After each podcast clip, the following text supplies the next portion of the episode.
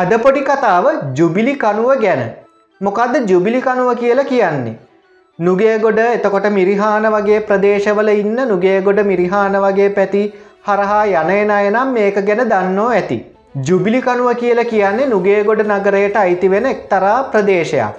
මේ ප්‍රදේශයට නම වැටිල තියෙන්නේ වචනය පරිසමාප්ත අර්ථයෙන්ම එක්තරා ආකාරයක කනුවක් නිසා. මේ කනුවේ කතාව ගැන කියනවනම් ඕගොල්ල දන්නවා අපේ රට බ්‍රිතාන්‍යයට යටත් වනාට පස්සේ එක්තරා කාලසීමාවක් තිබ්බ අපේ රට බ්‍රිතාන්‍යයේ වික්ටෝරයා මහරජින පාලනය කරපු.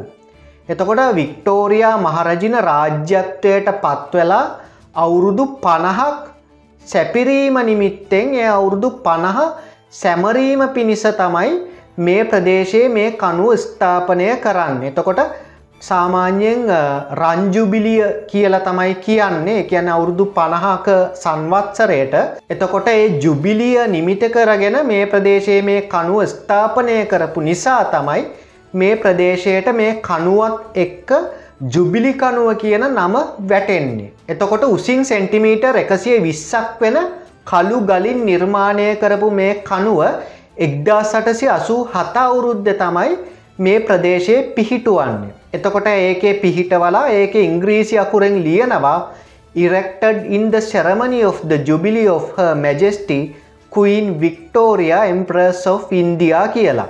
ඊට පස්සේ යටින් එක්දා සටසි අසූ හත කියලා ඒ වර්ෂය සටහන් කරනවා. එතකොට මේ ජුබිලි කනුව පිහිටුවන ලද ප්‍රදේශය ජුබිලි කනුව විදිහට හදුන්වන් අරගෙන තියෙන්නේෙත් එක්දා සටසි අසූ හත අවුරුද්ධීදලම තමයි.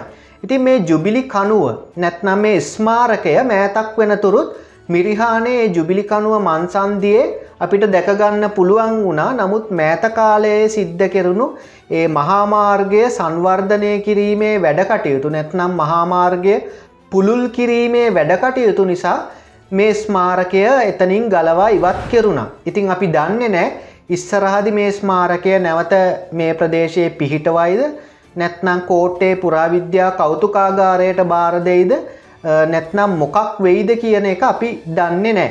ඉතිං අපි ඒ ගැන අවධානයෙන් ඉමු කියලා මතක් කරන ගමම්ම මං හිතනවා අද පොඩි කතාවෙන් ඕගොල්ලොන්ට ජුබිලි කනුව ස්මාරකය ගැන සහ මිරිහානේ ජුබිලි කනුව ප්‍රදේශයට නම හැදුන කොහොමද කියන එක සම්බන්ධව දැනුමක් ලැබෙන්න ඇති කියලා.